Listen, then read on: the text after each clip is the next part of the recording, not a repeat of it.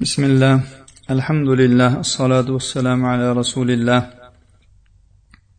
ayollarga xos qirq hadis xususida boshlagan darsimizni davom ettiramiz bugun inshaalloh ikkinchi hadisni o'qib o'rganamiz musannif hafizahulloh dedilarki babul idni bi xurujin nisai li havaijihinna ayollarga hojatlari uchun chiqishlikka izn berilganligi haqidagi bob عن عائشة رضي الله تعالى عنها عن النبي صلى الله عليه وسلم قال: قد أذن أن تخرجن في حاجتكن متفق عليه. oysha roziyallohu anhodan rivoyat qilinadi nabiy sollallohu alayhi vasallam dedilar sizlarga hojatlaringiz uchun chiqishingizga ruxsat berildi. Muttafaqun alayh. Imom buxoriy va muslim rivoyatlari ya'ni. Shariatimizga ko'ra aslida ayol kishi uyda o'tirishi kerak edi. Buning diniy va dunyoviy o'ziga xos foydalari bor. Bu haqda o'tgan darsimizda aytib o'tdik. Bizning o'ta rahmli va dono shariatimiz bandalarga faqat yengillikni xohlaydi. Ulardan og'irlik va qiyinchilikni daf qilishni xohlaydi. Shuning uchun ham ayolning gohida o'ziga xos bir hojati uchun chiqishini rioya qildi va unga shunday hojatlari uchun chiqishlikka ruxsat berdi. Bu chiqishning o'ziga xos albatta shart sharoitlari va qoidalari bor. Ayolning bu chiqishi o'zining hojati xos hojati uchun bo'lishi mumkin va ijtimoiy hojat uchun bo'lishi ham mumkin. Ayolning o'z hojati uchun chiqishi tushunarli ijtimoiy hojat uchun chiqishi esa uning tabiblik qilishi o'qituvchilik qilishi va bundan boshqa ijtimoiy manfaatlarni keltirishi uchun chiqishidir. Bu chiqishning shartlari bo'lib o'z o'rnida bu haqda hadis keladi va bayoni ham keladi inshaalloh. Ayol kishi bir necha sabablarga ko'ra uydan chiqishi mumkin. Bulardan biri masjidga chiqish yana biri shar'iy ilm talab qilish uchun. Ikki hayit namozini o'qish uchun chiqishi har xil xursandchilik munosabatlari to'y va shu kabilarga chiqishi uning shu hojati uchun chiqish bobidandir. Ayol kishining masjidga namoz o'qish uchun chiqishi. Bu ham imom ibn kasir rahimaulloh o'z tafsirlarida bayon qilganlaridek shar'iy hojatlardan biridir. Alloh taoloning vaqarna fi buyutikunna uylaringizda vaqor bilan o'tiringlar degan oyatining tafsirida ibn kasir dedilarki uylaringizni lozim tutinglar. Undan behojat chiqmanglar. Shar'iy hojatlardan biri o'z shartlariga binoan masjidga namoz uchun chiqishdir dedilar. Iqtibos tugadi. Ayollarning namozga chiqishlariga e'tibor berish nabiy sollallohu alayhi vasallamning ham bir nechta hadislarida sobit bo'lgan. Rasululloh sollallohu alayhi vasallam dedilarki la tamnau ima allohi masajidalloh. Allohning cho'rilarini allohning masjidlaridan man qilmanglar to'smanglar. va yana bir hadislarida kelganki إذا استأذنت المرأة أحدكم إلى المسجد فلا يمنعها agar biron ayol sizlardan biringizdan masjidga chiqishga izn so'rasa uni man qilmanglar bu xususda juda ham ko'p hadislar vorid bo'lgan imom buxoriy imom muslim va boshqa imomlarimiz rivoyat qilganlar shu hadislardan yana biri oysha roziyallohu anhoning namozga chiqishidir. Oysha onamiz aytadilarki rasululloh sollallohu alayhi vasallam bomdod namozni o'qirdilar. U zot bilan mo'mina ayollar ham yopinchiqlariga o'rangan holatda hozir bo'lardilar. So'ngra ular uylariga qaytardilar ularni biron kishi tanimas edi imom buxoriy rivoyat qilganlar. Ummu salama onamizdan rivoyat qilinadi.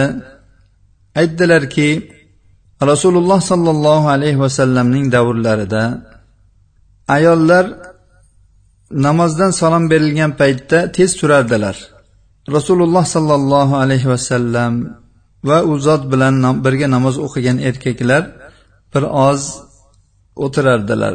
So'ngra rasululloh sollallohu alayhi vasallam turardilar va ortlaridan erkaklar ham turardilar. Ya'ni ular ayollarni rioya qilib ularni chiqib ketib olishlarini rioya qilardilar. Ayol kishini shar'iy ilm talab qilish uchun chiqishi. Ayollar ham erkaklar kabi shariat buyurgan narsalarga buyurilganlar va qaytargan narsalardan qaytarilganlar. Ularga ham erkaklarga beriladigan savoblar va erkaklarga beriladigan iqoblar ham yoziladi. Shunday ekan ayollar ham o'z dinlarini o'rganishga ma'murdirlar. Agar ayol kishi mana shu ilmni ya'ni dinini tanib halol haromni bilib oladigan darajadagi ilmni otasidan akasidan eridan yoki bironta mahramidan o'rganish imkonini topmaydigan bo'lsa uni albatta ko'chaga chiqib biror ustozning oldiga borib o'rganishga majbur bo'ladigan bo'lsa unga bu chiqishlik joizdir. Bunga dalil abu said al hudriy roziyallohu anhudan rivoyat qilgan hadisdir. Unda aytiladiki ayollar nabiy sollallohu alayhi vasallamga dedilar erkaklar bizdan g'olib bo'lishdi. Ular doimo siz bilan birga. Ular butun ilmni olib ketib qolishdi. Siz biz uchun ham vaqt ajratsangiz dedilar. Shunda rasululloh sollallohu alayhi vasallam ularga falonchining uyiga falon kuni borishlarini aytdilar va'da qildilar va ana shu kuni bordilar ayollar jamlanib o'tirishganda rasululloh sollallohu alayhi vasallam ularga va'z qildilar buyurdilar qaytardilar. Shu aytgan so'zlarining ichida dedilarki sizlardan qaysi bir ayol uchta farzandini taqdim qiladigan bo'lsa ya'ni uchta farzandi yoshligida vafot etib ketadigan bo'lsa ana shu farzandlar u uchun do'zax o'tidan to'siq bo'ladi parda bo'ladi dedilar. Bir ayol so'radiki ikkita bo'lsachi? U zot aytdilarki ikkita bo'lsa ham. Endi mana shu talabi ilmga chiqishga yana qo'shimcha qilishimiz mumkinki musulmonlar ehtiyoji bo'ladigan ayollarga xos tib ilmlarini o'rganishga chiqish. Ayollarga xos kasalliklar bor. Bu kasalliklarda ayol kishi umuman avratini gohida qattiqroq o'rinlarni ham ko'rsatishga majbur bo'ladigan kasalliklar bor. Buni erkak tabiblarga ko'rsatmasdan shu ayollarga ko'rsatish uchun ayollardan shu taxassuslarda shu ixtisoslarda ham tabibalar bo'lishiga islom jamiyatida ehtiyoj bordir. Ayol kishi davolaganligi haqida shariatimizda ham ba'zi bir dalillar kelgan. Shifo binti abdulloh roziyallohu anhu namla nomli bir kasallikka dam solardilar ya'ni o'qib qo'yardilar. Ansonlardan bir kishi ga shu namla chiqdi. Shunda u bilardiki shifo roziyallohu anhu bunga dam soladi. Kelib so'radi ey namla menga dam solib qo'ysangiz. Shunda aytdiki allohga qasamki men islomga kirganimdan beri birovga dam solmadim. Shunda ansoriy rasululloh sollallohu alayhi vasallamning oldiga borib aytdilarki shunday shunday man shifodan shu dam solib qo'yishni talab qilganda u hozirgacha ya'ni islomga kirgandan beri dam solmaganligini aytganlaridan keyin rasululloh sollallohu alayhi vasallam shifoni chaqirtirdilar. Va aytdilarki qani menga shu e, ruqiyangizni o'qib beringchi. U unga o'qib berdilar. Shunda rasululloh sollallohu alayhi vasallam aytdilarki siz bu kishiga dam solib qo'yavering. Va bu ruqiyangizni hafsaga ham o'rgatib qo'ying. Unga avvalda yozishni o'rgatganingiz kabi. Shifo binti abdullohning o'zlaridan rivoyat qilinadi. Dedilarki men e, hafsa bilan o'tirganimda rasululloh sollallohu alayhi vasallam kirib keldilar va aytdilarki siz bunga namlaning ruqyasini o'rgatib qo'ymaysizmi unga yozishni o'rgatganingiz kabi dedilar. Demak biz bu hadisdan shularni istifoda qilishimiz mumkinki ayollarga yozishni va tibni o'rganishlik joiz ekan. Chunki dam solish ham tibning bir turidir. Ahli ilmlar mana shu e, ruqya hadislarini tib kitoblarida keltirganlar. Ayollarning tibni bugungi kundagi tibni o'rganishlarida ba'zi bir ko'makchi ilmlarga ham ehtiyojlari bo'ladi.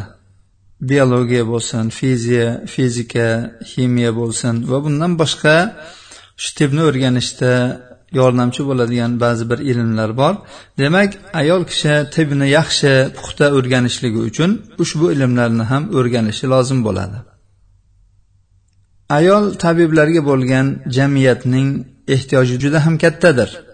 Masalan teri kasalliklari tanosil kasalliklari tug'ishga doir kasal e, kasalliklar va tug'ruqlar tish og'riqlari tishlarni davolash va bundan boshqa ayol kishi badanning bir qismini tabiba tabibga ko'rsatishga majbur bo'ladigan har qanday kasalliklarda ayol tabiblarning bo'lishi bu sharoit taqozosi va islom ruxsat bergan ishlardandir.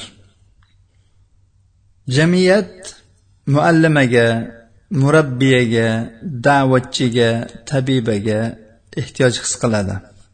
Lekin jamiyatning ayol muhandisaga yoki ayol advokatga ehtiyoji avvalgi ehtiyojday emas. Chunki bu keyingi aytilgan masalan muhandislik yoki advokatlik ishlari o'ziga xos ko'p ya'ni e, mahzurotlar ya'ni man qilingan ishlarni o'z ishiga olganligi tufayli va bu ishlarni bajaradigan erkaklar yetarli bo'lgani uchun islom ayollarni bu ilmlarni o'rganishiga ruxsat bermaydi. Bu degani ana islom ayollarni butun ilmlarni o'rganishdan man qiladi degani emas. Balki islom har bir jinsga o'ziga xos va munosib muloyim bo'lgan ilmlarni o'rganishga ruxsat beradi balki targ'ib qiladi. Bu degani endi ayollar bu ilmlarni o'rgana olmaydi ayollarning aqli bunga noqislik qiladi degani emas. Bu o'rin erkaklar va o'rta ayollar o'rtasidagi musobaqalash maydoni ham emas. Va o'zini ko'rsatib qo'yish o'rni ham emas. Shariat ruxsat bergan ilmlarni har biri o'z o'rnida o'rganib jamiyatiga foyda yetkazsin.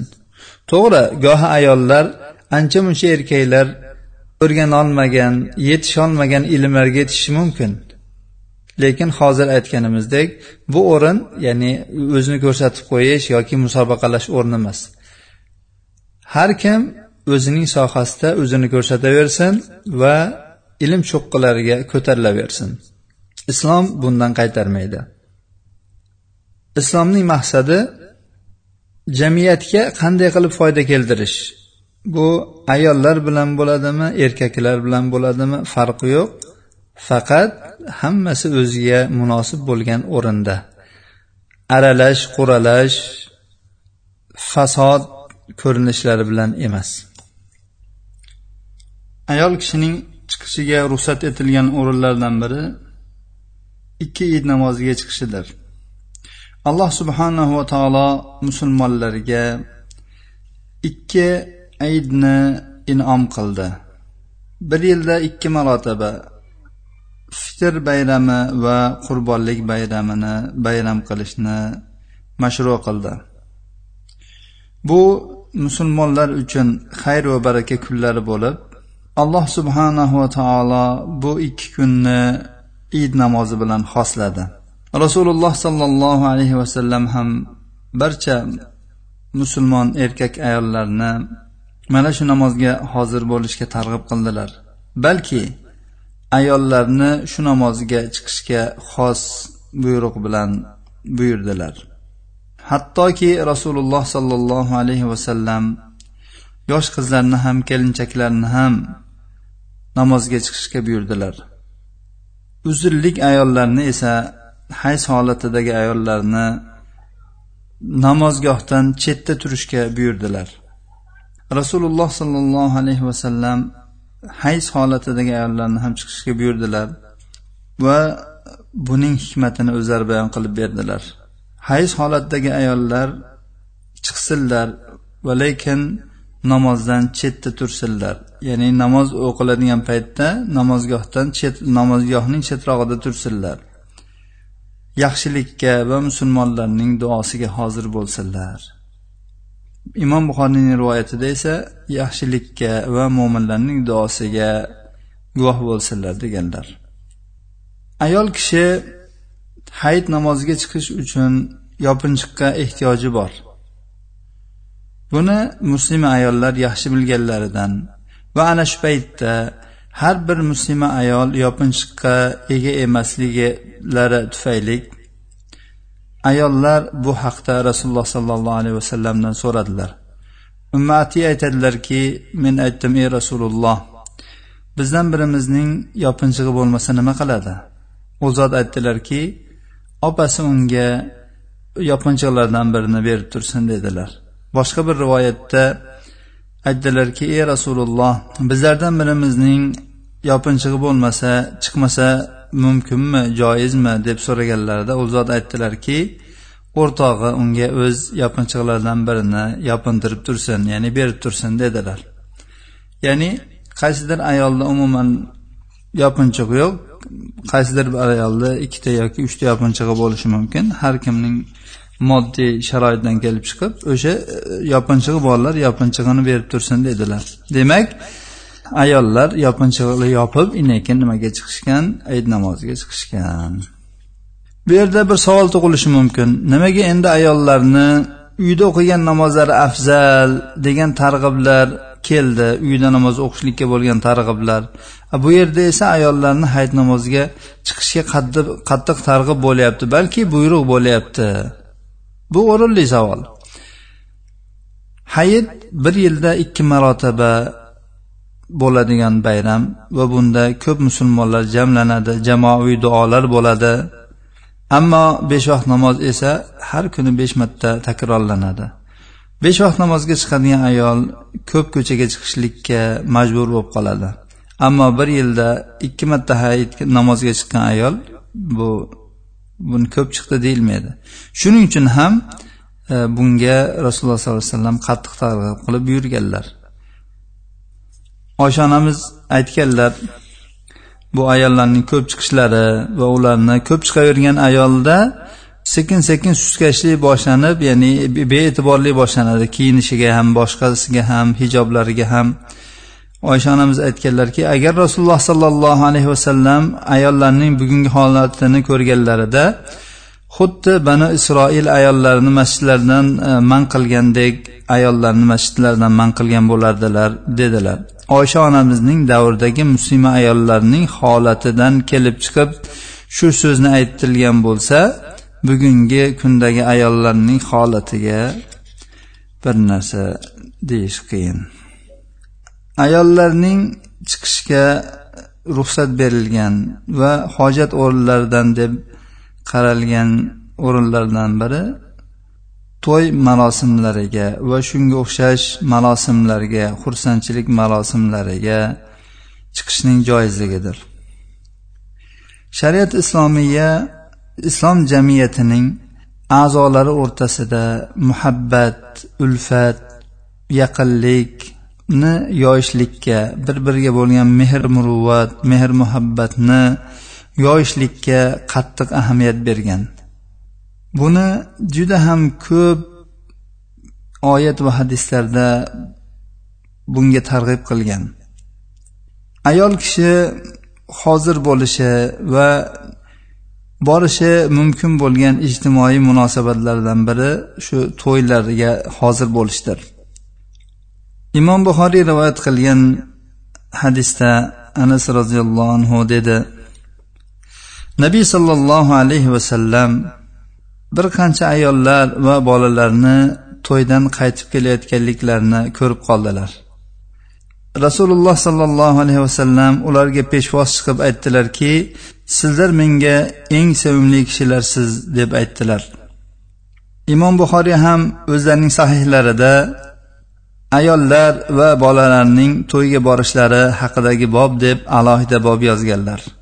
Ibn hajar rahimaulloh aytadilarki go'yoki imom buxoriy bu bilan shu biror kishi ayollarning to'yga borishi makruh ekanligini tushunib qolmasligi uchun shunday qilganlar. Ayollarning va bolalarning to'yga borishiga ruxsat berilgan biroq bu ruxsat erkak va ayollar aralashmaydigan munkarlar yo'q kuy qo'shiqlar kandaysunnalar bo'lmaydigan to'ylariga borishdir.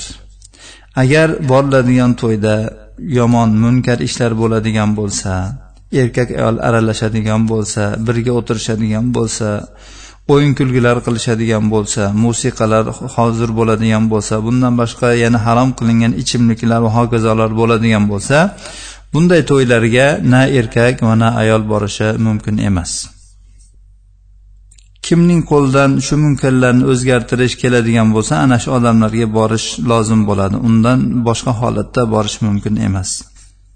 Yana shu to'y kabi ijtimoiy munosabatlardan ba'zilari masalan biror yor birodarlardan birortasi farzandli bo'ladigan bo'lsa uni qutlash uchun borish biror kishining uyida aza bo'ladigan bo'lsa ta'ziya bildirish uchun borish.